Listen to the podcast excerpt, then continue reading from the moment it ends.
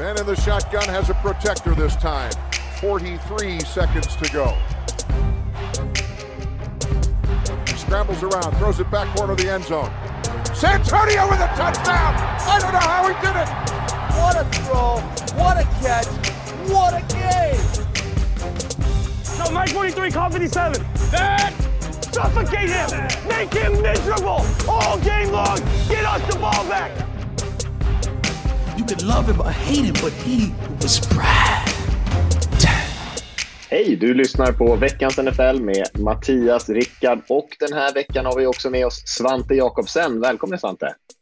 Tack så mycket, tack så mycket. Kul att få vara med. Det var länge sedan du var med, snackade vi om här innan.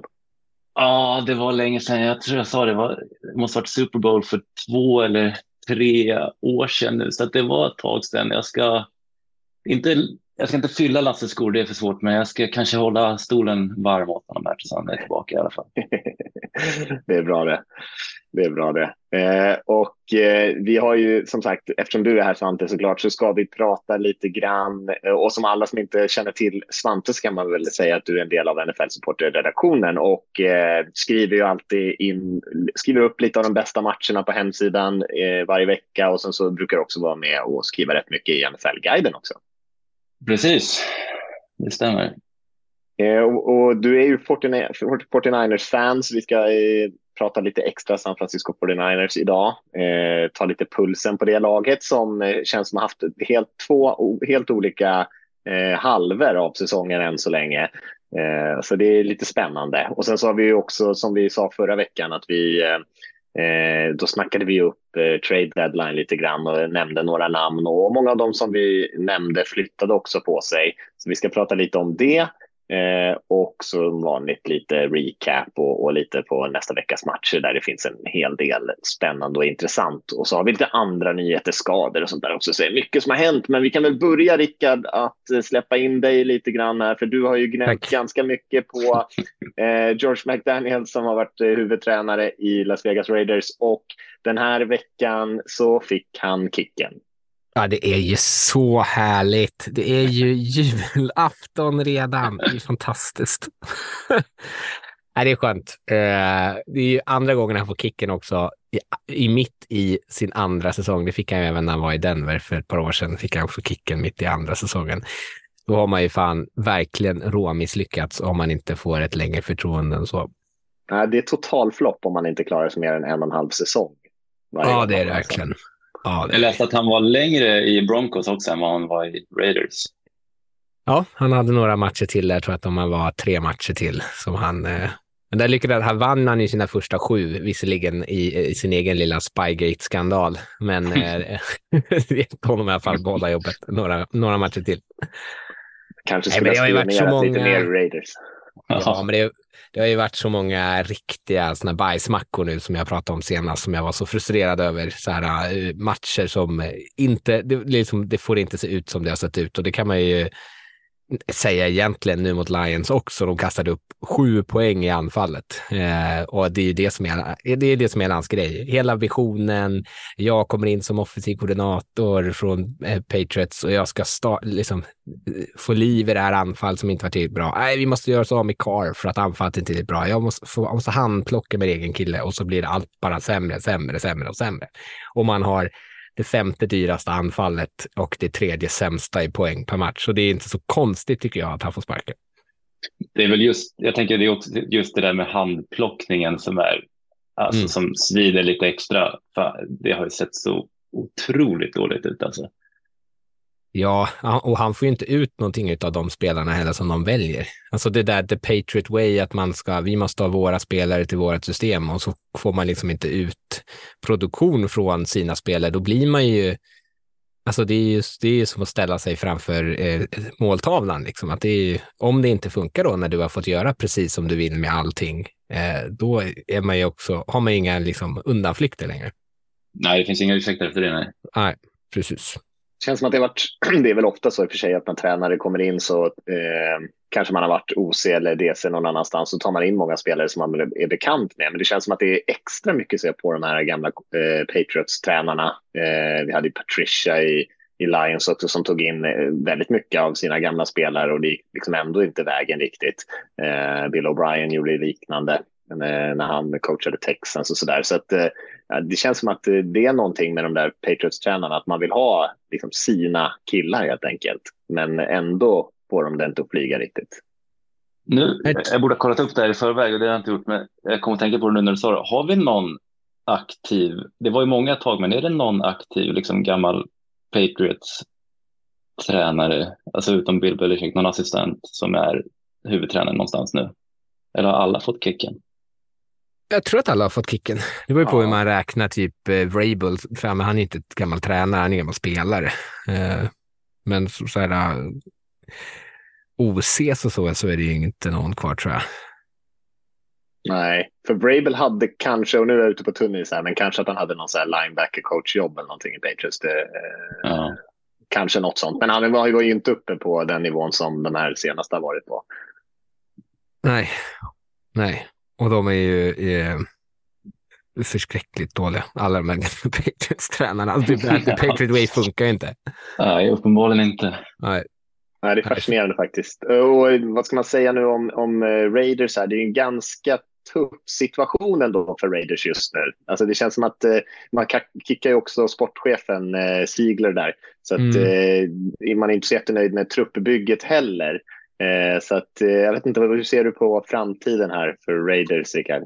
Ja, jag vet inte riktigt vad de gör. De har ju Champ Kelly, deras eh, eh nu tillfälliga general manager eller sportchef. Eh, och honom an, de intervjuade honom ju för att få eventuellt det jobbet. Eh, Ziegler anställdes ju egentligen bara för att han kunde lura över Josh McDaniels från Patriots eh, och det gillade eh, Davis.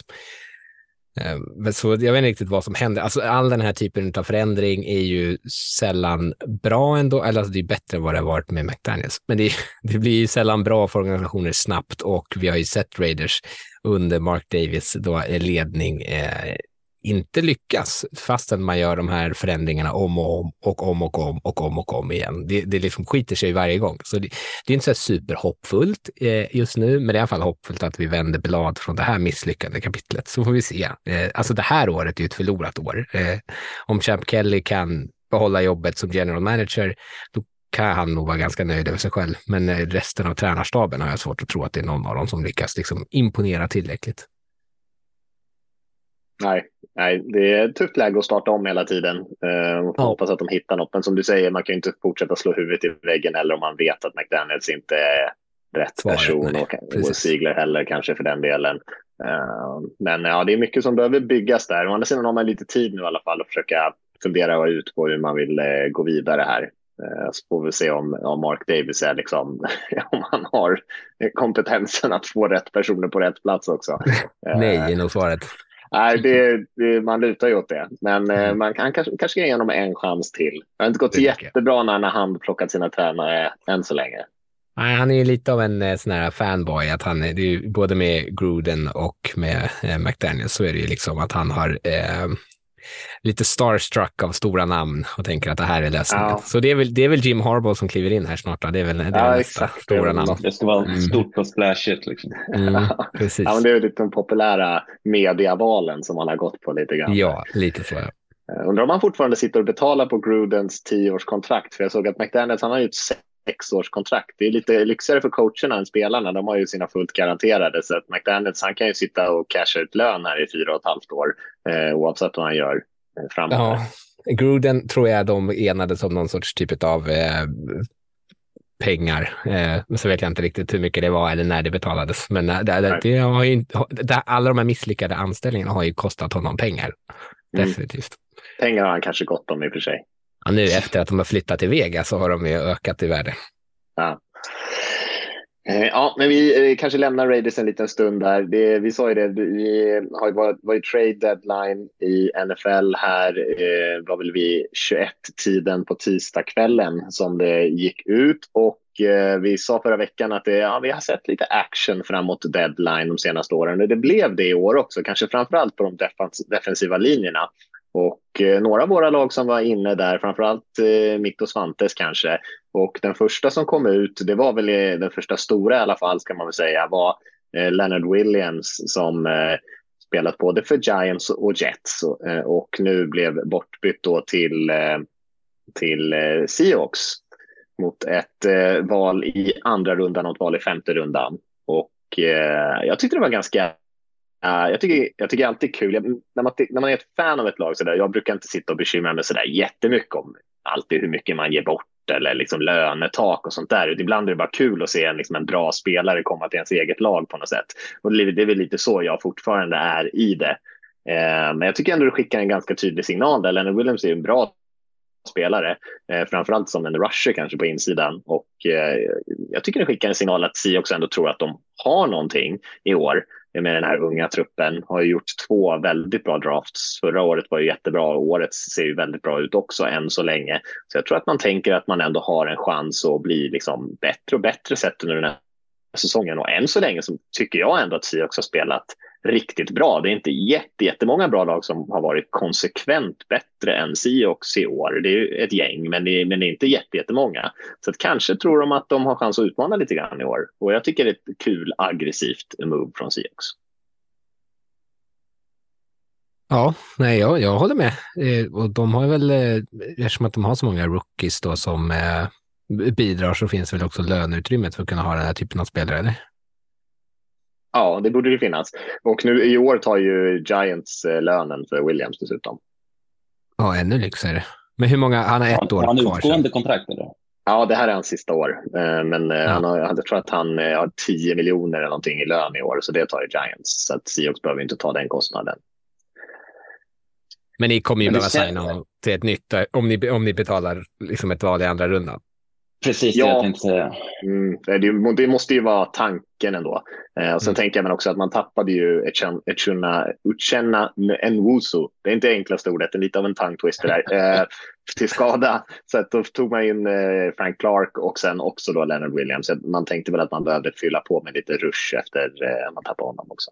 Och det behöver ni. definitivt. Eh, så det är en spännande eh, drag där. En stor, stort namn som rörde på sig. Sen pratade du och jag, Rickard, förra veckan om de här två eh, defensiva linjespelarna i Commanders. Både Chase Young och Montez Sweat och båda flyttade på sig.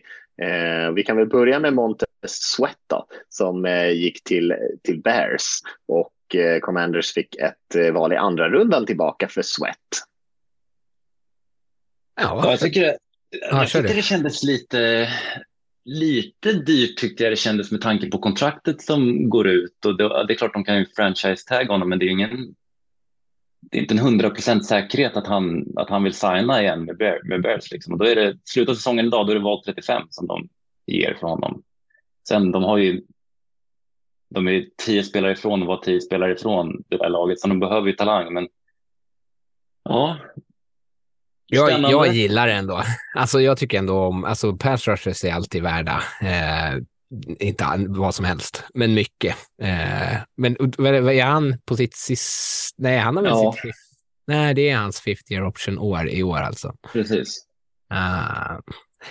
Ja, men det, ja, jag tycker ändå att det är värt det. Eller jag, kanske för att man ser det i, i ljuset av att de traded till sig eh, den här sopiga Claypool då för ett andra rundeval förra året. Det känns ju i alla fall som ett, ett nyktert steg i, i rätt riktning. Ja. Det Eh, här känns ju som ett bättre drag än det, det får man säga. Och det Absolut. kände man redan då att det var ju ett galet eh, pris. Eh, Men jag tänker också med det här, alltså, då, det, det kan inte vara en rental det här. De kan inte hyra honom för, nej, inför i år.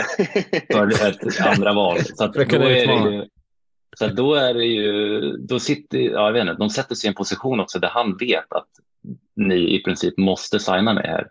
Ehm, jag vet inte. ja, nej, det är behöver ju som du säger, de har ju men- franchise-taggen som någon form av förhandlings... Eh, liksom, på sin sida av förhandlingen. Men, men annars så, ja, målet måste ju vara att ge honom en, en deal. Men Sweat är andra sidan en, ganska stabil spelare. Liksom. Han är ju både en bra rusher men också bra mot springspelet och har varit liksom stabilt bra ganska länge. Eh, så det känns ju som rätt typ av spelare. Men som du säger, det är lite klurigt att få till de där kontrakten och det måste man ju få till. Annars, kan, annars ser det ju riktigt illa ut. Verkligen. Eh, och, det, och man förstår det ju också från Commanders sida. Nu får de bra betalt för de här spelarna. Alltså de släpper iväg och vi, och vi kan ju komma till spelare nummer två där och, som de också tradade bort och det var Chase Young. Och han gick faktiskt till 49ers, eh, Svante, och där fick eh, Commanders ett tredje rundeval. Så inte riktigt lika bra betalt som för Sweat, men Chase Young har andra sidan haft en hel del skadeproblem och kanske lite, om man får vara sån, lite mer ensidig än vad Sweat är. Mer av en pass rusher, inte kanske lika stark i, i alla andra delar av spelet. Ja, nej, det, det, håller jag med om. Sen vet jag inte, det, det blir väl ett sent, får jag väl hoppas, ett sent val i tredje mm, ja, det blir och en stor ett tidigt skillnad. val i, i andra. Så det är en, ja, nästan två runders skillnad på de här två. Och det vet jag väl inte om det Jag tycker att det är så stor skillnad på dem. Liknande kontraktssituationer också. Men jag är inne på det som, som du pratade om innan Mattias. Jag tycker bara att det är skitkul när ens lag byter till sig spännande spelare och det var McCaffrey förra året, nu Chase Young. Han får spela med Nick Bosa igen. Även om de inte fick jättemycket tid tillsammans så får de liksom ruscha från samma linje en gång till. Och de hade redan tre val i tredje rundan, eh, ett eget och två compix. Så att eh, ja, jättebra deal för Niners. Eh, blir det så? Jag tycker det är jättebra deal för, för Young också för att Chris Kacerek där som är linjecoach, han har ju ett litet track record av att hjälpa folk få betalt. Det är, både Arden Key och Kerry Hyder har ju liksom gjort ett bra år i Niners och sen gått vidare och få Hyder fick väl bra praise från Seahawks om jag inte minns fel. Så att, mm. Bra för båda två. Han kommer han kommer ju all, aldrig dubblas i princip. Eh, få jättemånga möjligheter. Så att, eh, ja, det finns ingen anledning för Niners att inte bara ruscha fyra hela tiden nu. Det är väl dessutom tror jag ett komp-pick. Det var ju du som skrev det till mig också för mig, ja. som de betalar. Eh, och de lär ju, om de nu träffar rätt här och han liksom spelar bra, då kommer de ju få ett komp-pick tillbaka säkert om han signar ett stort kontrakt. Så då är det ju, har de ju inte betalat något för honom ens. Nej, det är ju i stort Nej, sett gratis, för komp-picket kommer ju också från deras minority-tränare som har blivit head coaches någon annanstans, eh, tror jag. Så, att, eh, det, så det är inte ens liksom för spelare de har tappat utan det är liksom för eh, Demico Ryan framför allt som, har, som de har fått det här kompticket. Ja, och det luktar ju, eh, det här luktar ju mer hyreskontrakt än, än Montessuet-bilen. Jag, jag har svårt att se, de har redan den dyraste defensiva linjen. Jag har svårt att se att de har råd att, att betala honom, men då förmodligen kan det bli så mycket som ett, ett kompick i tredje rundan, bara att de skjuter fram det ett år. Så att jag tycker det här är skitbra. Sen är jag förvånad över att Commanders skickar båda. Jag, trodde, jag, jag tänkte att de skulle skicka någon av dem. Men jag är förvånad att de inte höll kvar en ändå. Ja, nej, jag var nog inne på när vi pratade om det, Rickard, att, eh, att de eventuellt då skulle prioritera att ha kvar Sweat, men de fick ju bet bättre betalt för Sweat, så att eh, då, de hade kanske aldrig någon tanke kanske på att ha kvar Young. Riktigt. Eh, så det kan ju varit så att de tyckte att betalningen för Sweat, den var bra och de fick inte till liksom det här kontraktet på lång sikt med honom om de ville på en rimlig nivå. Så då, då tog man liksom chansen. Eh, och det kan ja. man ju lite förstå från deras sida. De är ju inte riktigt där heller eh, och har rätt mycket dyra spelare på sin linje redan. Ja, och signalerna kring Young skickades redan innan säsongen egentligen där de inte plockade upp hans femte år. Så. Mm. Mm. Ja, visst. Eh, vi har väl framförallt kanske en till eh, riktigt intressant trade, eller riktigt intressant, hyfsat intressant får man väl säga, när Vikings tappade ju Cousins den här veckan eh, till en, eh, en skada som avslutar hans säsong precis när de börjar komma igång lite grann, Vikings. Så det är väldigt tråkigt av många anledningar eh, när man börjat gilla eh, Cousins lite extra efter den här eh, dokumentärserien han var med här under offseason. Eh, och då bytte de till sig Joshua Dobbs som har spelat väldigt bra för Cardinals. Eh, och de betalar ju nästan ingenting för, för Dobbs heller. Nej. Nej, det var väl välbehövligt där. De, de fick, väl, får väl, fick väl lite panik här och behövde lösa någonting och Dobbs var väl den bästa tillgängliga eftersom Kyler Murray är på väg tillbaka. Vad är det? Jag, jag, förlåt, inte låta alls för deppigt, men vad är det de vill åstadkomma med det här? Är det för att de tänker att de fortfarande har en chans att typ gå till slutspel med Dobbs? Jag tror det. Ja, de, de, ja och de måste ju starta kan de hålla sig flytande liksom. i alla fall. ja. Ja, men jag tänker med att de har Justin Jefferson skadad. Han kan väl kunna komma tillbaka fine, men de kan ju också på något sätt liksom bara punta säsongen med gott samvete. De har tappat sin bästa wide receiver, de har tappat sin quarterback.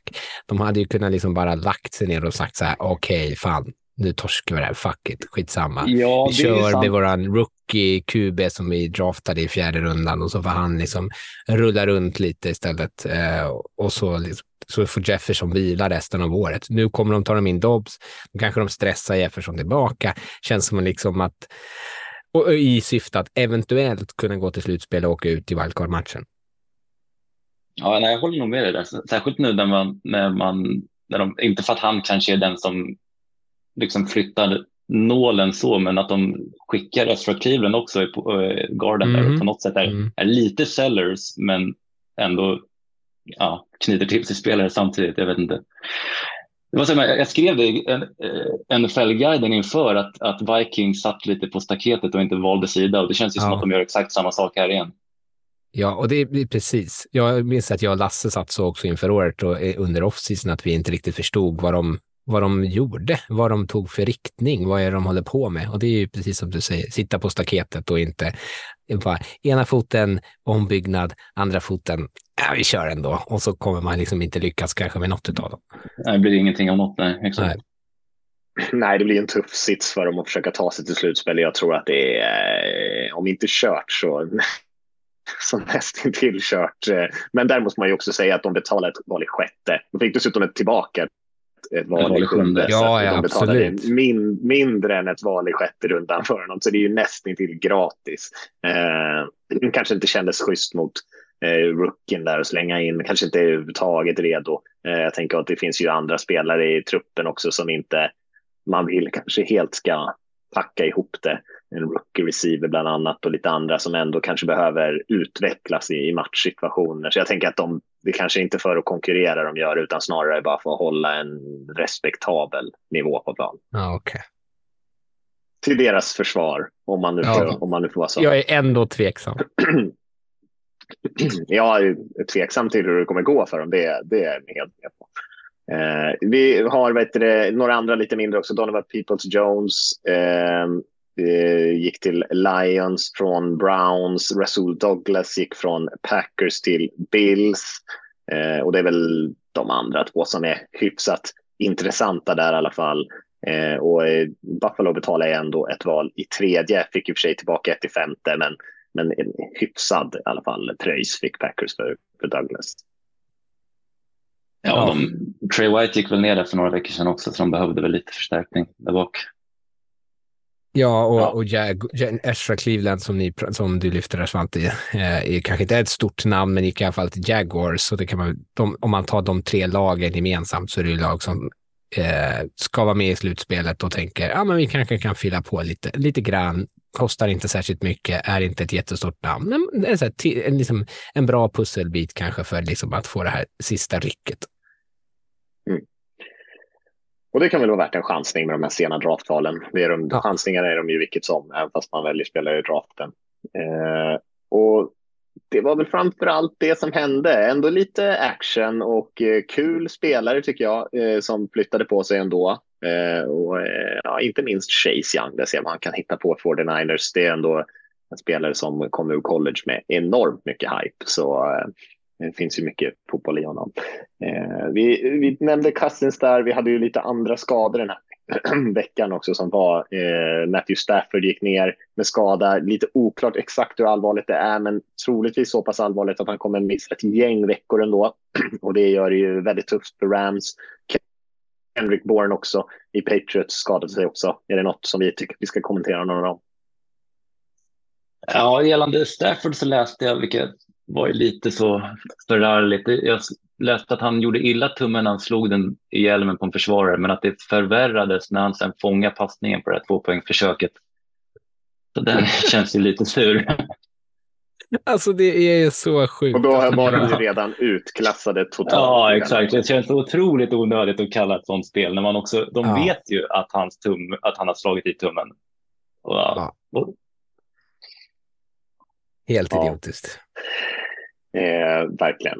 Också en spelare som har haft sin beskärda del av skadeproblem, Matthew Stafford, genom Ja, hans karriär. Eh, ja, men vi kanske ska hoppa vidare. Som sagt, vi har ju mycket att prata om den här veckan, så det är väl lika bra att köra på och kolla lite grann på eh, matcherna som spelades då förra helgen. Och ehm, det var ju en hel del oväntade resultat får man säga. Eh, och eh, en hel del intressanta matcher i övrigt. Jag kan säga det att jag kollade på Texans Panthers-matchen, tyckte det var lite, skulle vara lite kul att se våra, två av våra högt draftade quarterbacks där, CJ Stroud och Bryce Young, göra upp. Och det var väl kanske inte den cleanaste, vackraste matchen jag har sett. Den slutade ju 13-15 till Panthers, men jag tyckte ändå Stroud hade ju en lite tuffare dag än vad han har haft många eh, veckor den här hittills den här säsongen. Han har ju verkligen imponerat. Eh, Bryce Young var ju den bättre av de två quarterbacksen i den här matchen, men Eh, jag tyckte ändå båda spelade helt okej okay. och de gångerna då, då det liksom inte gick för dem alls, det var ju antingen för att pass rushen var helt överväldigande eller att de inte hade så mycket eh, alternativ helt enkelt. Eh, men eh, jag tyckte att båda liksom skötte sig. Jag tycker ändå att man ser att där har vi två spelare som jag tror har en ljus framtid båda två. Och eh, så fick ju också Bryce Young äntligen vinna sin första match och han gjorde det genom att eh, ha en ganska imponerande imponerande eh, game winning drive där precis i slutet av matchen och där de kunde kicka in ett vinnande field goal. Och vi har ju pratat lite grann och bråkat lite med Svante också om eh, de här eh, 49ers som haft svårt när de har legat under sent i matcherna och ta igen. Men Panthers hade ju 56 raka förluster när de låg under i fjärde kvarten. Och då pratar vi liksom inte om eh, åtta poäng, utan pratar vi om vilken poäng som helst, bara de låg under. Och så hade de förlorat 56 rakt 56, ja det är imponerande. Ja, det, är, det är fantastiskt imponerande faktiskt. Så att man kan väl säga att de kom över en kulle här på eh, mer än ett sätt när Panthers lyckades knipa den här första, säsongens första vinst mot Texans. Här. Jag tycker också var lite den här sista driven du snackar om. Bryce Young och offensiven fick ju bollen där med 6 minuter och 17 sekunder kvar på klockan. Mm. Och liksom dödar hela den matchen. Det är ändå ganska snyggt jobbat. Ja, ja, verkligen. Med tanke på att man heller inte hade så här jätteeffektivt springspel i den här matchen. Så, eh, Nej, det är ju Adam Thielen som är ultimata snuttefilten där. Ja, ja kort, kortpassningarna liksom. Eh, ja, nej, men det är intressant ändå på, på det sättet att vi hade de här två unga quarterbacksen, men annars var det väl kanske ingen match som man skulle rekommendera någon att gå och kolla om direkt. Vad såg ni andra? Vad såg du Svante? Jag såg, eh, jag har sett lite grann av punt-VM där på MetLife Stadium faktiskt. Oh, ännu en sån där publikfriarmatch. Mm. Ja, puntades 24 gånger. Eh, för, oj, oj, oj. Eh, de puntade totalt för 1078 yards i den här matchen. Jag har försökt ta reda på om det är någon form av NFL-rekord, men jag har inte lyckats hitta eh, liksom totalpuntade yards. Jag hittade mest yards för en, för en punter i en match och där kom de inte in. Men både Thomas Morstead och Jamie Gillen, alltså punters i, i Jets och Giants, båda två tog sig in på topp 20-listan i flest puntade yards på en match här, samtidigt. Så att eh, inte någon jättesnygg match kan man inte påstå. Giants avslutar matchen med minus nio net passing yards, alltså man räknar in sex då, eh, vilket är ju en bedrift i sig mm, får man ju nästan säga. Eh, och det regnar mycket, det var inte mycket offensiv att tala om. Breeze Hall hade en lång, eh, lång fin touchdown, det var väl egentligen det som hände. Eh, och det sjukaste var ju att eh, alltså, Jets vinner ju den matchen, men de har, eh, alltså, de har ingen rätt att vinna det här. Eh, med en minut kvar behöver Giants plocka upp tre yards och matchen är död. De misslyckas och till följd av det, eller ja, Geno då går fram och ska kicka ett field goal för 35 yards. Han missar det och då går Zach Wilson helt plötsligt från att inte ha gjort någonting hela matchen så driver han 50 yards på 23 sekunder. De sparkar field goal, vinner på övertid. Men det, det sjukaste är ju nästan den här, eh, mot sista passningsmottagningen så är det åtta sekunder liksom, efter att han tar emot den och de lyckas eh, ställa upp och klocka den bollen. Det är ändå sjukt imponerande. Väl coachat. Ja, Ja, väldigt väl coachat. Och så snyggt av domaren också som är sjukt snabb fram och bara eh, petar på bollen där den ligger. Så att det, hade han varit liksom en halv sekund senare, då hade de inte, hade de inte hunnit. Det hade inte blivit något mer. Jag, jag vill också bara lyfta frågan här, för jag såg att Daniel Jeremiah pratade om det här. Eh, med tanke på hur liksom anfallet såg ut i den, eh, i den här matchen. Inget lag kan göra någonting. Giants vinner ju cointossen här på övertid och som man alltid gör så tar de tar de bollen först. Men hade det funnits en idé att skicka ut försvaret först, räkna med att man stoppar dem, kanske få ett lite kortare spelplan och vinna på ett field goal. Ja, det låter väl ganska rimligt kan jag tycka i en sån här match. Men det händer ju som du säger väldigt sällan att någon gör det.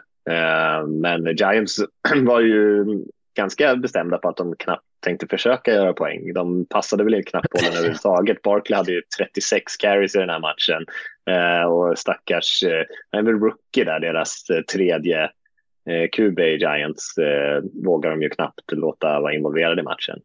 Nej, Sen det krävs väl lite som tränare där också. Man ska skicka ut försvaret först. Man lägger ju huvudet i giljotinen då, men, Jag men det kanske man, inte hade måste, varit helt fel. man måste ju ändå man måste, man måste först ha, eller man måste ändå ha en serie för ett field goal och sen stoppa deras offensiva serie. Så hade man, ja det är väl eventuellt om man sätter ett field goal på sin första så har man kanske svårare för att Jets kommer spela på fjärde försök eftersom att de vet att de måste ta poäng. Mm. Men annars, är ju ändå resultatet, jag förstår tanken, men det är ju verkligen att, att liksom ge upp. Ja, som du säger, sätta huvudet i giljotinen och bara, ah, men vi, jag vet att vi inte kommer göra en touchdown, det är ju kört. Ja. jag inte vad det skickar för signaler, men det kanske man, som du sa, det kanske man redan har skickat då när man passar för ni, negativt nio yards eller vad fan de hade. Och man kanske skiter i signalerna när det är han DeVito som Ja. quarterback där också egentligen. Ja, kanske. Ja, eh, det hade kanske varit smart så här i efterhand att eh, lita lite mer på sitt försvar. Eh, större chans att de liksom får en turnover än att anfallet gör poäng.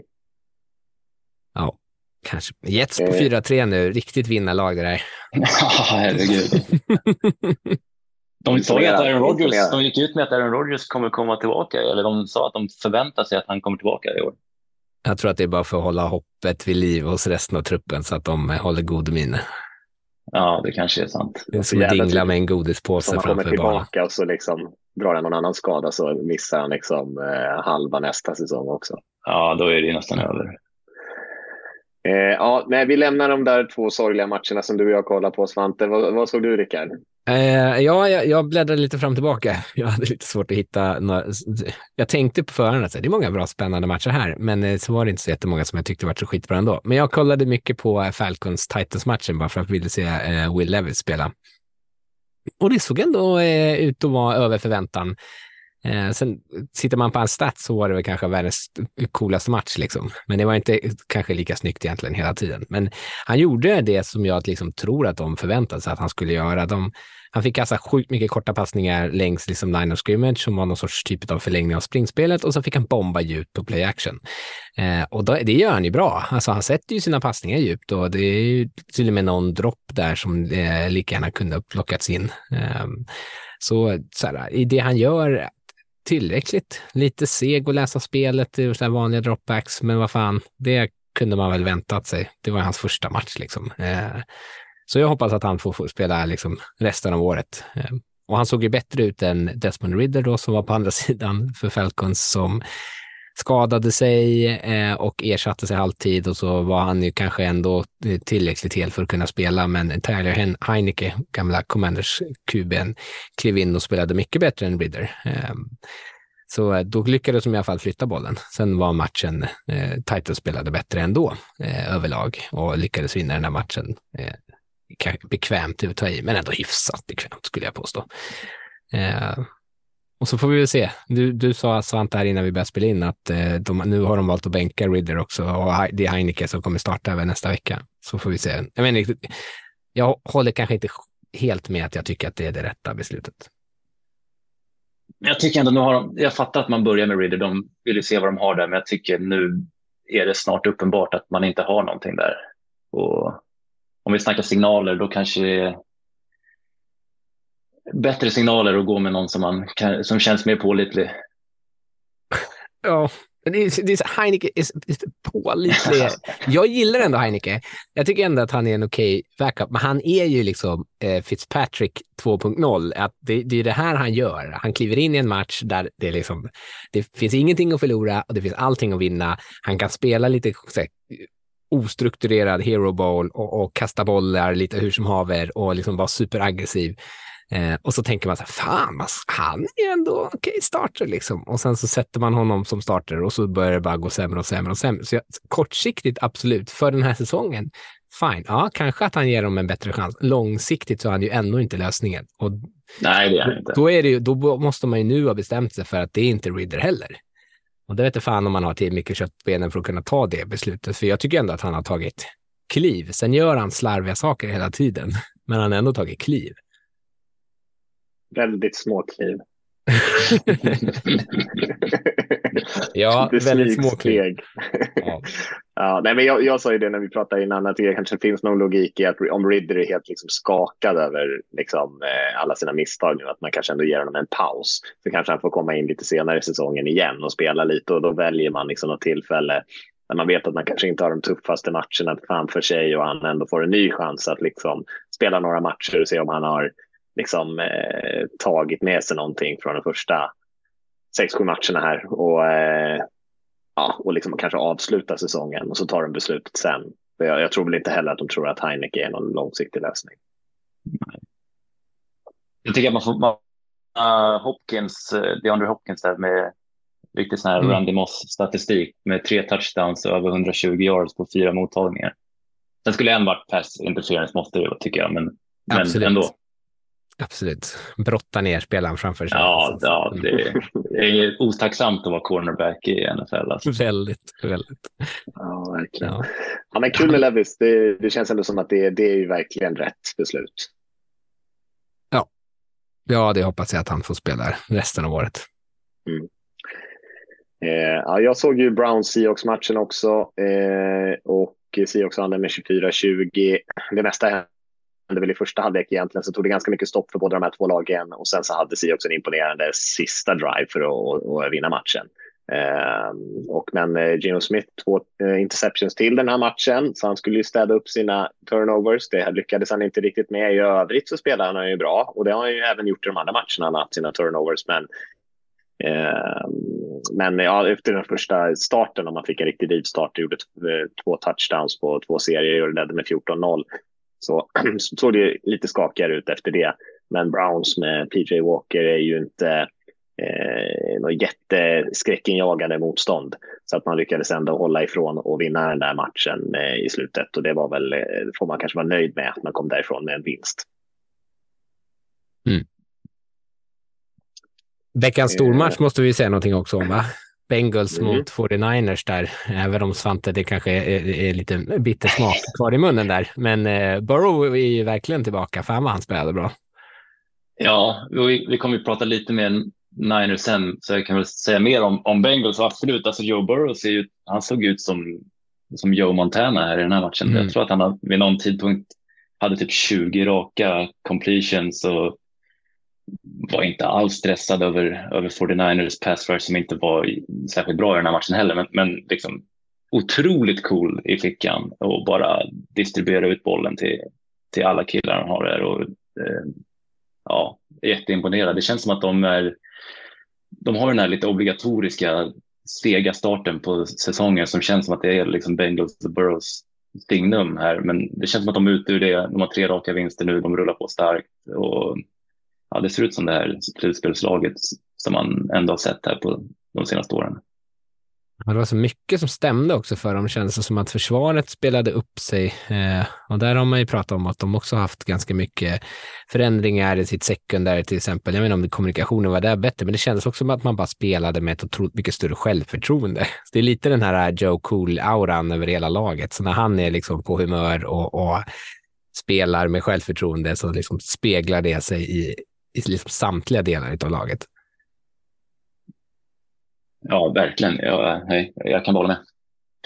Ja, nej, och vi sa ju det förra veckan också, att kanske bye week komma tillbaka eh, mm. och då kanske det skulle vara liksom en annan Joe Burrow som kom ut där på andra sidan. För att även fast de eh, vann mot Seahawks till exempel så tyckte inte jag att Burrow såg särskilt bra ut i den matchen. Eh, om det var skador eller bara hade en dålig dag, det är svårt att säga. Men här såg det ju verkligen ut som att han var tillbaka och eh, gjorde ju en hel del spel. Den liksom eh, flydde press och såna här grejer och verkade inte ha några skadebekymmer överhuvudtaget. Ja, och, det, och det, jag tyckte det syntes också direkt från start att eh, eh ja, Bengals hade ju vad blir 14 dagar på sig att förbereda sig. Niners hade fem. Mm. Um, och Bengals kom ut direkt. Niners har inte blivit stoppade på, på sin första drive, liksom de här Kyle Shanahan-drivesen på hela säsongen. Bengals kommer ut free and out. Så, ja, jag är väldigt imponerad. Mm. Eh, vi ska väl nämna också, tycker jag, Chiefs-Broncos-matchen eh, där Broncos oväntat nog slog Chiefs och de slog dem också ganska stort.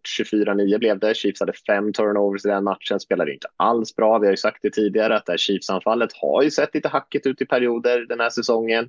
Eh, och här såg det väl verkligen ut så. Turnoversen hjälper inte såklart, men, men Broncos spelade ändå bra. Eh, betydligt bättre än vad de gjorde i försvaret mot eh, Dolphins när de tillät eh, en sju jäkla massa poäng. Eh, så de börjar ändå snygga till det lite grann i Denver och för Chiefs, jag vet inte, man blir ju liksom aldrig riktigt orolig för för Chiefs. De är fortfarande 6-2, promenerar nog hem den där divisionen. Men ja, de har lite saker som de behöver jobba på om de ska slå de bästa lagen i ligan jag ska ha den här måttstocken mot Miami. Alltså, men så, ja, de förlorade ju 70-20 mot Miami, så det ser bättre ut nu. Det, det ser jävligt bra ut för dem. Nu vann de visserligen, ska man ändå ge dem. Uh, ja. om, man, om man är Chiefs-supporter så lägger man till den här asterixen att, att uh, Mahomes spelade med influensa och att det var därför man förlorade. Ja, just det. Ja, och det jag, var först... tycker, jag tycker det är så skönt att de förlorade, för jag såg liksom framför mig att det skulle bli någon så här Michael Jordan flu game. Ja aura kring det där och liksom legenden skulle bli bara större och större. Jag tycker det är skönt att, de, att han inte klarar det. Jag såg de bilderna redan innan matchen för att det hela, hela eh, Chiefs eh, County, eller vad fan de kallar sig, eh, slängde upp de här bilderna på sociala medier innan matchen, för de visste att Aha. de skulle vinna. Vi pratade om det här innan. Han är ju han har ju vunnit eh, alla matcher mot Broncos. Det var första förlusten mot Broncos. Eh, det var första, de var 16-0 nu, eh, så det, det lyckades Denver äntligen vinna. Mm. Och eh, den här statistiken här med hur bra Kelsey spelar när Taylor Swift är med och kollar på matcherna också, den mm. håller i sig fortsatt här. Jag lyssnade på den här Around the NFL-podden sa de också att Taylor Swift ska ut på internationell turné här snart, så att det är båda inte alls bra. Aj, aj, aj, aj, aj, aj, aj. Det är liksom, nu, eh, nu vinner de inga fler matcher. Broncos spelade i alla fall eh, Taylor Swift-musik efter matchen. Ja, det är ju en riktigt bra trollning ändå. Det gillar man ju. Ja, sen kan man bara säga att ett eh, håglöst Packers torskade mot Vikings där trots eh, skadan där på Cousins. Då. Eh, men eh, Packers såg ju ändå väldigt bleka ut och eh, Cowboys eh, slaktade Rams eh, och tog en gigantisk ledning och seglade hem den vinsten så småningom. Och det var väl kanske de mest intressanta resultaten den här veckan om ni inte tycker mm. att jag missar något särskilt. Nej. Nej. Och då tycker jag vi hoppar in och snackar lite 49ers eh, och låter Svante brodera ut lite, tänker jag. Eh, som eh, vi pratade om det tidigare, lite två olika säsonger 49ers. Vi pratade om dem när de hade spelat, vad, blev det? Fyra eller fem matcher. Fem matcher, då, Fem matcher, då såg de ju nästintill ostoppbara ut. Vem ska kunna sakta ner dem? Sen blev de nedsaktade och sen nu har de torskat tre raka raka matcher och det har liksom tagit emot lite grann. Jag och Rickard pratade om dem lite eh, förra veckan, Svante. Om du eh, hörde det eller inte så pratade vi om både Bills och, och 49 som lite så här rytmlag. Går det bra, går det riktigt bra. Men börjar det knaka lite, ja, då kan det kanske knaka lite mer och liksom, ta sig ur dem liksom funksen som man kan hamna i och det gör ju alla lag.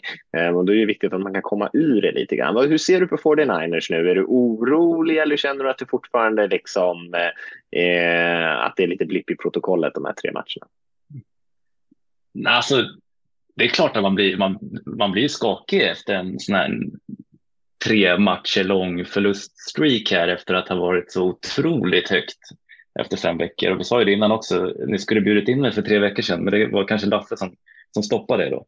Jag inte ville ha mig här med efter den slakten. Men sen, eh, nu passade det bättre. Eh, så ja, nej, alltså. Det är jobbigt. Eh, främst är det väl, måste jag säga, alltså Brock Purdy som spelar som en 23-årig quarterback som inte har ens ett år samlat på sig av, av startande erfarenhet.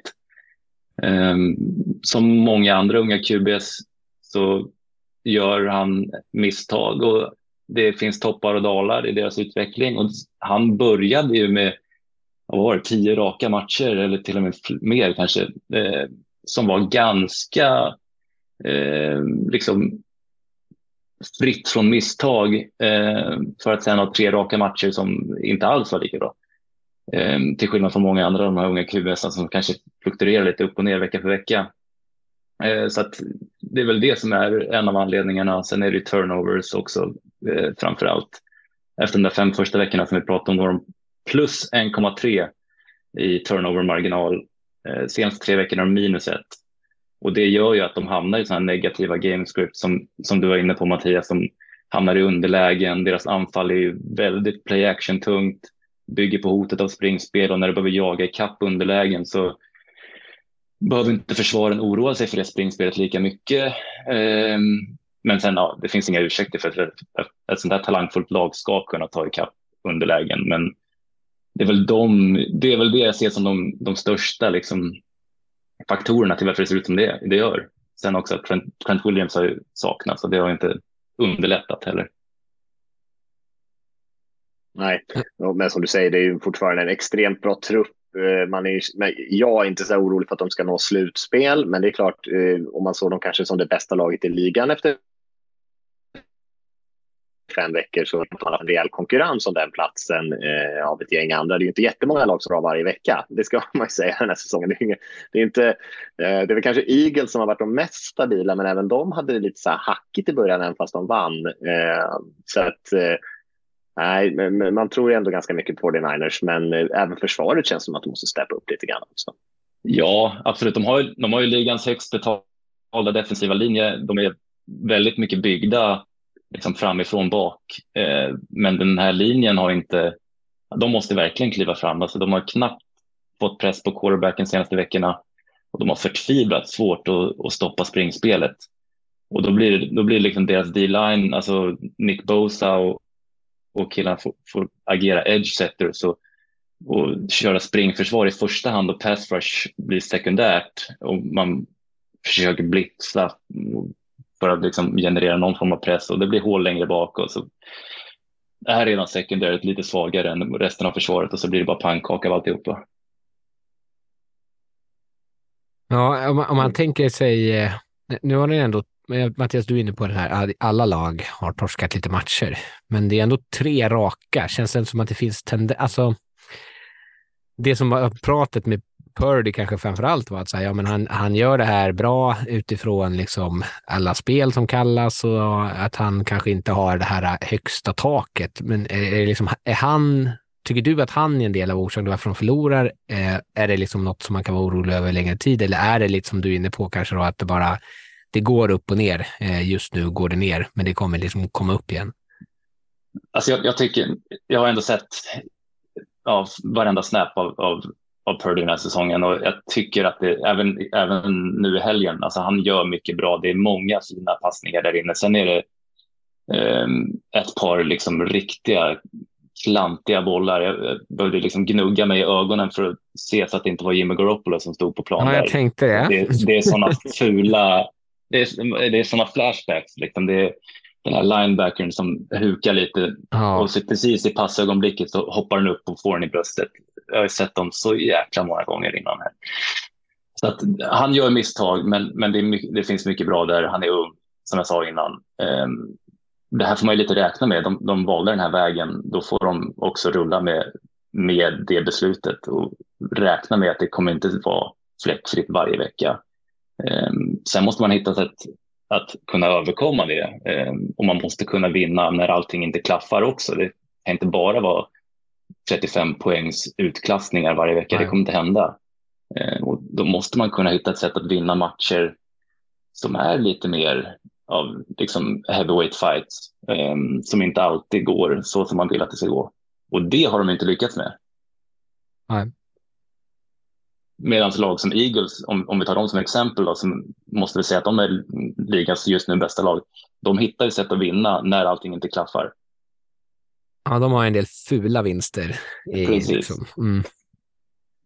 Sen för, om vi ska sätta någon form av punkt på det här så eh, måste jag ändå säga att det är 49ers är 5-3 efter åtta matcher. Det är deras bästa start på en säsong eh, sen Super Bowl-året, det senaste Super Bowl-året. Och då har vi ändå två säsonger där sen dess som de har gått till NFC, NFC Championship Game. Så jag är inte jätteorolig långsiktigt. De har en tendens att komma igång i andra halvan. Ja. Mm, spännande. Var två i divisionen ska det sägas. Var tvungen att smyga in den parentesen. Kan de, får, de, får de tillbaka första platsen utan att göra någonting här nu om eh, Seahawks förlorar den här veckan? 49ers vilar ju. Och jag, jag tror att Ja. de har bättre divisionsrecord än vad Seahawks har också. Ja, så kan det nog vara. Det kan ju, ja, vi får se. Men det är ju inte troligt att Seahawks skulle torska nu i, i helgen. Det vill ju aldrig hända. Nej, de är ju som stim nu här. Ja, ja verkligen. Nej, men spännande. Ja, det blir ju lite mer, eh, mer spänning i den här divisionen eh, just för att 49ers kanske har taktat av lite medan Seahawks kanske har spelat eh, ja, haft, en del misstag också såklart, som spelat bättre och bättre får man ändå säga. Så det kanske blir lite spänningar ändå och de möts ju här någon gång i mitten på säsongen. Två matcher ganska tajta eh, mellan Mm. varandra. Det är väl kanske bara en eller två veckor emellan tror jag, deras två möten. Precis. Så det blir ju ganska eh, viktiga matcher då om båda de här lagen fortsätter spela relativt bra sett över hela säsongen. Då. Ganska nu. brutal, ganska brutal eh, tre matcher där då. Med, eh, först då är Seahawks och sen Philly emellan och sen Seahawks igen. De tre matcherna kommer ju vara jätteavgörande för slutspelsbilden om det blir liksom en Mm. divisionsseger eller om det blir en wildcard-plats eller om det kanske till och med kan bli då en första seed. Så där, där, det måste de ju kommer de torska mot Buccaneers veckan innan bara för att de liksom ser förbi den matchen. Ja, precis. Nej, det var, nej den, där, den där tre veckors perioden där, den är brutal. Och det är där det avgörs. Spännande, spännande, spännande. Ja, eh, ska vi hoppa in och kika lite grann på eh, matcherna vecka 9 här då? Och, eh, tack Svante för det där. Det var bra med lite insight i 49ers, du som har dökoll där. Eh, och eh, vi har ju en Tysklandsmatch den här veckan, Rickard. Ja, jättekul. Eh, eller ja, det beror på vem, eh, vem man är. Eh, Är man i Tyskland så är det ju skitkul. Ja, alla amerikaner är ju skitarga för det här, för det är ju Dolphins mot Chiefs och det är ju typ en av de bästa matcherna på året och så spelas den i Tyskland. Så det är ju kul. Eh, De ska väl prova något gräs där också, om jag har förstått det rätt, som NFL är intresserade av. Någon sån här hybridplast. Spela på alltså. Ja, precis. Annars får de ju spela i, i den igen. Eh, nej, men den, eh, den blir ju såklart skitkul. Eh, så får vi se lite eh, vad det, vilken typ av matchbild det kommer vara. Om det kommer vara den här typ, alltså så här, bara på förhand så känns det ju så här, ja, Dolphins mot Chiefs, det kommer ju bli liksom 110-114. Eh, men det har ju kanske sett lite mer återhållsamt ut, och inte minst i Chiefs. Eh, nej, men så det, den blir kul. Eh, Dolphins, eh, om man ska säga, dyka ner i så här, vad ska de göra för att vinna över Chiefs så kan de väl kopiera lite av det som Broncos gjorde. Broncos har ju varit nu och även för när de mötte Chiefs här senast, alltså gången innan, eh, jätteeffektiva i, eh, eller att stoppa Chiefs i red zone. Och Chiefs har ju varit dåliga i red zone i år. De gör touchdown på jag tror att kolla upp det. 51 procent, det är ju så här lig, eh, eh snittet av ligan, så det är ju kanske inte så här sjukt konstigt, men de är ju nere från 71 procent i fjol som resulterar i touchdown. Så det är en ganska stor skillnad i varför de inte gör så mycket poäng som de gör. Eh, sen kanske man inte kan lita på att få five turnovers och att Mahomes är sjuk, men eh, eh influensan kanske sitter kvar. Nu ska han flyga 13 timmar, sitta i sex, eller så här, leva i sex timmars jetlag, så han kanske inte är liksom hundra sidan på banan, liksom 100 procent heller. Eh, Denver sprang bollen jävligt mycket. De sprang för 153 yards. Eh, det var liksom två tredjedelar av deras offensiva eh, yards. Så det är väl om man kan springa på dem. Chiefs har ju, ja, är ju bottenrankade. Jag tror att de är 30 eller 31 eller 32 i att stoppa springspel. Och det är ju lite av det som eh, Dolphins vill göra. Ehm, men Dolphins å andra sidan i deras springspel har ju kanske inte riktigt funkat eller de har ju problem med sin offensiva linje med skador. Ehm, de saknar ju Armstead, Connor Williams eh, har, varit skadad, eventuellt tillbaka här. Ehm, saknar ju Robert Hunt också, deras andra guard. Eh, så det, det, det är liksom, kan de springa med det eller inte? Det vet fan. Eh, och ska man spöa Chiefs så måste man ta bort Kelsey. Det är ju det, det, det enklaste sättet. Och det är ju så här, de matcherna som Chiefs nu har förlorat så är det ju för att antingen så var ju Kelsey då skadad när de mötte Lions. Då behövde man inte oroa sig mot honom och så kunde man se deras receivers droppa bollar över hela plan. Och nu så eh, var ju det som Denver gjorde, de plockade bort honom, tripplade honom till och med ibland. Eh, och sen så såg man på medan Chiefs eh, receivers tappade alla andra passningar. Eh, och, ska, och ska man spöa Dolphins, jag vet inte, de har ju man blir imponerad hela tiden av dem, men de har egentligen bara haft två svåra matcher i år. Det är Bills och Eagles som har torskat båda två. Eh, och, eh, och, har man lyckats man ta bort liksom mitten av plan när man tittar på sådana här QB-grid på vad Tua kastar passningarna i matcher de vinner, det är ju för att de lyckas eh, lägga bollar centralt och eh, så här, kan Tyreek Hill springa sådana här crossers eller inbreakers, ta emot en passning och sen springa efter mottagningen för så här, 100 yards per match. Men tar man bort det, eh, man liksom faller bak med sina linebackers och de liksom kan stoppa passningsspelet där, då blir de eh, inte lika effektiva. Så det, så ser ju båda hans, mot Bills och mot Eagles, så har de liksom plockat bort den centrala delen av plan. Så tappa, tar man bort det, då kanske Dolphins anfall inte heller är det här hög och taniga som vi har sett. Ja, spännande. Ja, det, det finns mycket att grotta i den här matchen tycker jag. Mm. Du är inne på många fina delar av den. Ja, men Dolphins har ju verkligen varit det där laget som eh, slaktar de mindre bra lagen ja. och, eh, och har svårt att slå de här riktiga topplagen. Sen mm. återstår väl att se om Chiefs är ett av de riktiga topplagen i år. De är ju inte, de är inte samma truppkvalitet som, som Bills och Eagles sett över hela brädet, utan det är ju verkligen centrerat till ett fåtal stjärnor. Det har det ju ofta varit i Chiefs. Sen har försvaret spelat liksom väldigt mycket bättre än vad man hade kanske tänkt mm. till och mhm. med. Och de är väl alltid lite oväntat bra. Och deras secondary framför allt kanske imponerat väldigt mycket. Så att, eh, men, eh, men det är ju inte så att de är lika solitt byggda kanske som de andra storlagen. Nej, de är väldigt beroende i anfallet av Mahomes liksom. Och, mm. och Kelsey. Och Kelsey förstås. Och lite hemmatch för Tyreek Hill också. Ja, just förstås. De, han har inte mött dem sedan han skickades till Dolphins. Han har ju pratat ända sedan han skickades dit eh, och snackat skit. Så det, han, han sa det innan att han gärna hade spelat den här i Arrowhead bara för att kunna få liksom, den ultimata hämndsituationen. Eh, men han, de kommer säkert och känner jag, alltså vad jag tror om Mike McDaniel så kommer han säkert skissa upp skitmycket bara för att ge Hill eh, alla tänkbara möjligheter att här, ha 500 yards receiving. Ja, säkert. Han har ju redan över tusen nu på åtta matcher. Ja, det sjukligt bra har han varit i år. Nu möter de Chiefs försvar har ju bara tillåtit näst, näst minst poäng av, av alla i ligan. Ja, det har ju verkligen spelat bra. Och som Mattias sa, passförsvaret har ju varit jättebra. Ehm, det är lite ett annat monster att möta Hill eh, än vad de har mött. Men, eh, och framförallt om han är taggad. Verkligen. Man får inte glömma att den startar 15.30 också om man ska kolla på den här. Ja, förstås. Bra.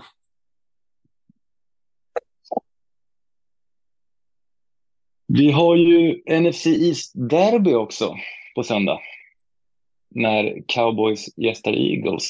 Som för mig känns som en riktig höjdare. Alltså. Utfallet här kommer ju ha jättestor påverkan på vilket av de här lagen som slutgiltigen vinner divisionen. För att även fast eh, Eagles känns som en riktig juggernaut i år, så vinner Dallas här, då har de ju faktiskt lika många förluster och det, då blir det ganska öppet igen. Um, men ja, ja, och på många sätt ser ut, Eagles ser ut som ligans bästa lag. De har en komplett trupp. De, som vi var inne på innan, de hittar ju sätt att vinna på även när allting inte klaffar. Jag tyckte inte allt klaffade mot Commander senast heller, men sen på något sätt flera gånger nu har det hänt att i andra halvlek så hittar de någon form av växel att lägga i. Eh, den växeln har väl hetat A.J. Brown här många gånger nu. Sex raka matcher med över 125 yards, vilket är NFL-rekord. Så han spelar ju helt otroligt. Hurt spelar på, på MVP-nivå. Eh, anfallet klickar, eh, över 30 poäng i, i två raka matcher. Så de känns ju svårslagna. Samtidigt eh, möter ett försvar i Dallas. De bara tillåtit 220 passade yards, över 220 passade yards en gång i år. De rankar topp fem i typ, typ alla väsentliga kategorier. Och då, är det, då pratar jag poäng, jag pratar yards, jag pratar takeaways, Eh, så att de är inte, de är inte helt lätta att, att kasta upp poäng på. Sen är deras springförsvar inte helt de är inte riktigt lika starka och det är väl där som det skulle kunna, det är väl det som Eagles skulle kunna utnyttja den här matchen. Men de splittar matcherna förra året, eh, det borde bli en jämn match, eh, mycket står på spel och sådana här divisionsmatcher brukar ju alltid bli jävligt intressanta och jävligt tajta och det är lite så vad som helst kan hända. Så att eh, ja, den här känns riktigt, riktigt spännande. Ja, förra året, det var väl varsin backup, va? Var det inte så? Ja, precis. Jag har faktiskt en, jag, jag behövde kolla upp det där, jag började liksom titta lite här. Det känns ju ändå som att eh, Hurts har varit i Eagles ett tag nu. Han kom in 2020, ändå startat sedan 2021. Trots det så är det här, det här är bara andra gången som Jalen Hurts och Dak Prescott möter varandra. För att båda varit skadade hela tiden. Ja, precis. Ja. jag minns hur Lasse eh, pratade, eller jag höll ju faktiskt egentligen med honom också om eh, olika de betedde sig. Mike McCarthy gick fram och skakade handen lite graciöst efter att de hade vunnit mot Eagles backup medan Nick Sirianni stod och slog sig på bröstet och skrek ut i publiken eh, när de vann över eh, Dallas, med, när Dallas hade sin backup. Det tyckte jag var väldigt kul. Ja, det, är, det, det, är, det, det är hatmöte det här alltså. Det är ju kul. Ja, verkligen. Sånt gillar man ju. Det verkligen. smäller lite hårdare. Spelarna är lite mer taggade. Ja, sen har vi ju också eh, Seahawks Ravens som också är en, känns som en väldigt spännande match. Ravens har ju spelat väldigt bra på senaste tiden. De är ganska stora favoriter här. De spelar ju på hemmaplan. Eh, jag tycker ändå att Seahawks spelar bra, men man förstår ju att Ravens ändå är favoriter där. De eh, har ju verkligen klickat på många sätt och kanske de senaste veckorna verkligen börjat klicka också på, liksom på båda sidor av bollen. Eh, något som är ganska ovanligt att se från, från Ravens sida. Och här eh, sa väl också att när eh, det var väl när Lions skulle möta Ravens va, som vi sa att eh, det här var liksom första riktiga testet för Lions. Så det här blir väl ett, ett eh, bra test för Seahawks då som har spelat bra men också mött lite enklare motstånd hittills den här säsongen och se om de kan liksom steppa upp och konkurrera med ett, eh, ett av de lite bättre lagen ändå i ligan. Eh, men Seahawks är 5-2, Ravens är 6-2, så det känns då som två lag som eh, har haft en väldigt bra säsong än så länge och goda chanser på slutspel eh, om det liksom fortsätter på det här sättet. Och, och Ravens känns väl de som kanske är tydliga favorit i sin egen division medan Seahawks har stark konkurrens minst sagt från 49ers där. Jag tror att det kan bli en intressant match. Hoppas på att eh, Gino Smith kan spela lite cleanare den här gången. I övrigt så har ju anfallet spelat rätt bra. Det blir lite tuffare utmaning för offensiva linjen här. Eh, försvarsmässigt så har ju Seahawks varit väldigt bra.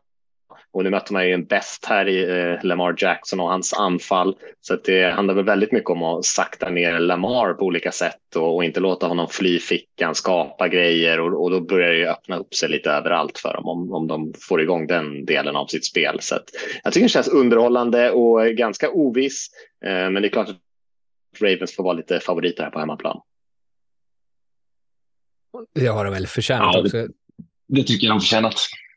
Mm. Lamar spelar ju som du säger jättebra. Nu ska man liksom in och, och stressa honom eh, och ändå lyckas hålla contain. Det är ganska svårt och er defensiva linje är ju kanske inte det mest imponerande eh, kan man tycka. Sen var det att möta ett försvar i Ravens också som har släppt till minst poäng av alla i, i ligan och de spelar ju fenomenalt. Ja.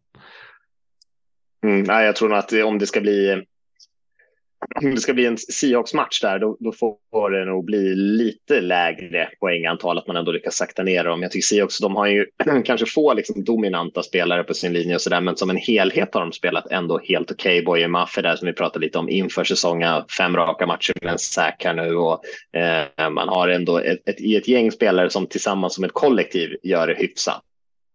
Eh, men eh, det här blir ju en lite annan utmaning då såklart, men man måste nog hålla ner poängen lite grann i alla fall, för annars blir det nog svettigt för, för linjen i, i Seattle här mot en, en tuff eh, Ravens front. Ja, det känns som att, det känns som att marginalerna är lite, lite mindre för Seahawks. Det är inte, det är inte alls omöjligt att, att de tar den här, men det känns som att marginalerna är lite mindre. Ja, det, man har liksom inte råd med Gino Smith interceptions och sådär. Nej, jag håller med. Nej, det, det, så tycker jag man kan sammanfatta det faktiskt. Eh, vi har ju också en eh, stor match. Det här är ju faktiskt en av de bästa veckorna hittills på säsongen tycker ja, jag. Verkligen. Vi har ju också Absolut. Buffalo och eh, Bills mot Cincinnati Bengals också på det är väl Sunday Night Football-matchen som när de möts och den känns ju också väldigt eh, intressant. Bengals som verkligen har börjat komma igång här. Bills kanske var lite åt andra hållet, eh, började så himla starkt men har svajat lite upp och ner den här säsongen så att man får väl säga att momentum kommer ju Bengals in med här. Men eh, jag tycker ja, Bills har ju en väldigt hög högsta nivå så att eh, det ska bli oerhört spännande att se den här matchen. Det känns väldigt oviss nu just för att man inte vet så himla mycket om Bengals. Hur bra är de? De har gjort en sån här riktigt, riktigt bra match och det var ju senast mot 49ers så är det det laget de kommer vara liksom den här resten av säsongen. Ja, då kanske man ändå får rada upp några fler matcher tycker jag innan man 100% säger att det här är ett av de bästa lagen i ligan. Eh, Bills tycker jag nog ändå de är det, även fast de har eh, några plumpar än så länge i protokollet. Jag tycker det känns som, eh, just med Bills, att de är så mycket upp och ner. Mm. Det känns som att de på något sätt spelar till nivån av motståndet. Alltså så här, de möter Dolphins och då krossar de dem och sen möter de just Patriots och Giants har jättesvårt. Och det känns som att de spelar liksom på den nivån som de, de möter, där, vilket båda har gått för dem nu om de möter ett Bengals som var svinbra förra veckan. Så att, ja, den känns svårtippad den här. Ja, Bengals eh, nu på hemmaplan efter att de har precis börjat få Niners kommer ju vara bra tryck på läktarna också och jag tror att de kommer in med, som du sa Mattias, stort självförtroende. Eh, Bills känns, om du sa att man inte riktigt vet vad man har Bengals, att det ligger någonting i det, men jag är också inne på det, sant, så man har ingen aning om vad man har Bills någonsin. Eh, och de är så väldigt eh, Nej, det kan vara så här, spelar Josh Allen bra eller dåligt? Eh, och det är väl kanske inte så konstigt, men det är ju så att, att han också har den här typen av jättestora eh, förändringar i hur han spelar från match till match. Han springer med bollen, tar dumma beslut, tappar, famlar, liksom klantar sig egentligen i stort sett eh, mer än vad han behöver göra. Ja, men verkligen. Och, och det är väl väldigt mycket som hänger på honom och det kan man ju säga om båda de här lagen. Båda lutar sig väldigt mycket på sina quarterbacks och mm. om de har bra dagar då är laget ganska bra. Men det är också för att de är på den nivån att det är liksom superstjärnor på quarterbackpositionen, verkliga game changers i nästan i Mahomes nivå. Så att eh, och då, eh, ja, då blir det kanske så. Men eh, av den anledningen så blir det, känns det ju som du sa, det Svante, väldigt eh, ovisst och svårtippat och eh, ja, väldigt eh, roligt känns underhållande. Jag tyckte du sa, okay. var det inte så du som sa Svante också att alla de här matcherna spelas eh, på olika timeslots. Jo, det är Man har ju möjlighet att se liksom allihopa om man skulle vilja. Du kan ju, till och med Tysklandsmatchen börjar jättetidigt också. Exakt. Ja, verkligen. Nej, det är fantastiskt. Och den här sista matchen här, det kan ju mycket väl vara en sån försmak på, på slutspelsmatch i AFC också. Verkligen. Ja. Ja, gud ja. ja inte omöjligt att vi får se dem. Menar ni ja, det är alltså väl de ni... här två Ravens och Chiefs som är, känns de hetaste EFC-lagen. Precis. Ja. Menar ni alltså att ni inte kommer kolla på Giants-Raiders-matchen? Det känns ändå som... jag, trodde, jag trodde att det var den stora vi byggde upp allt det här till nu. Att så här, snart ska vi prata om veckans bästa match. Aiden O'Connell och ny, ny HC, det är ändå lite spännande. Absolut, absolut. Så får vi se om Tommy DeVito spelar då i Giants igen eller vad fan han heter. Ja, det hade ju varit en jäkla match alltså. Förlåt, jag var tvungen att nämna den bara för att det är ja. de här skräpmatcherna. Lite skillnad på hur man hanterar sina rookie QBs där får man säga när Aiden O'Connell kom in och bombade loss. Absolut, han fick i alla fall, eh, och det lär han ju få nu också, fria tyglar. Mm. Eh, nej, den andra matchen som man kanske ska nämna, det är väl lite kul att se Leviston han följer upp då, eh, mot Steelers. Känns ju kanske lite mm. små intressant av någon, de som vi inte har nämnt än så länge. Mm, lite tuffare försvar där. Oh, gud. Ja. ja, verkligen. Kort vecka också. Mm, det också. Eh, ja, nej, men vi kanske ska nöja oss där då. Vi har ju ändå hunnit igenom en del idag. Så att eh, kanske ska ta och knyta ihop säcken här. Vi säger väl tack Svante för att du ryckte in och gjorde det med bravur och eh, gjorde oss kloka kring 49ers och allt möjligt annat. Ja, men det var så lite så. Jag skulle bara snabbt vilja kasta in en, en här att eh, vi har ju Per Fogelin som har kastat upp en ny NFL-supporter-dokumentär för några dagar sedan. Som ligger där man, där poddar finns, där kan man hitta den. Du är så jävla eh, bra plugger. Ja, jag lyssnade på den på vägen hem idag faktiskt, på vägen hem från jobbet. Um, han pratar om videodomar i, i NFL. Så per Fogelin, han har gjort det igen. Och sen uh, har vi också, varje vecka lägger vi upp en artikel på, på nflsupporter.se på hemsidan som vi kallar veckans guldkorn där man kan, man kan läsa om våra favoritmatcher om man vill göra det istället för att uh, lyssna om dem. Och den veckans artikel den ligger där nu också på hemsidan. Ja, men lysande tips. Och, just när det gäller, ja, guldkornen kommer ju varje vecka så det kan man ju alltid hålla utkik efter och tänker också Fogelin där och eh, Maestron och hans dokumentärpoddar. Det där är ju så tidlösa grejer så där kan man ju gå och leta i arkiven om man vill. Precis som Per själv gör när han eh, kommer på roliga idéer och göra poddar om. Så det finns ju många guldkorn, apropå guldkorn, som man kan lyssna igenom av hans gamla dokumentärpoddar där. Många som är bra. För att inte säga alla. För att inte säga alla. Eh, ja, men vi tackar väl för oss och tack alla ni som har lyssnat så eh, hörs vi igen nästa vecka. Ha det gött. Ha det bra.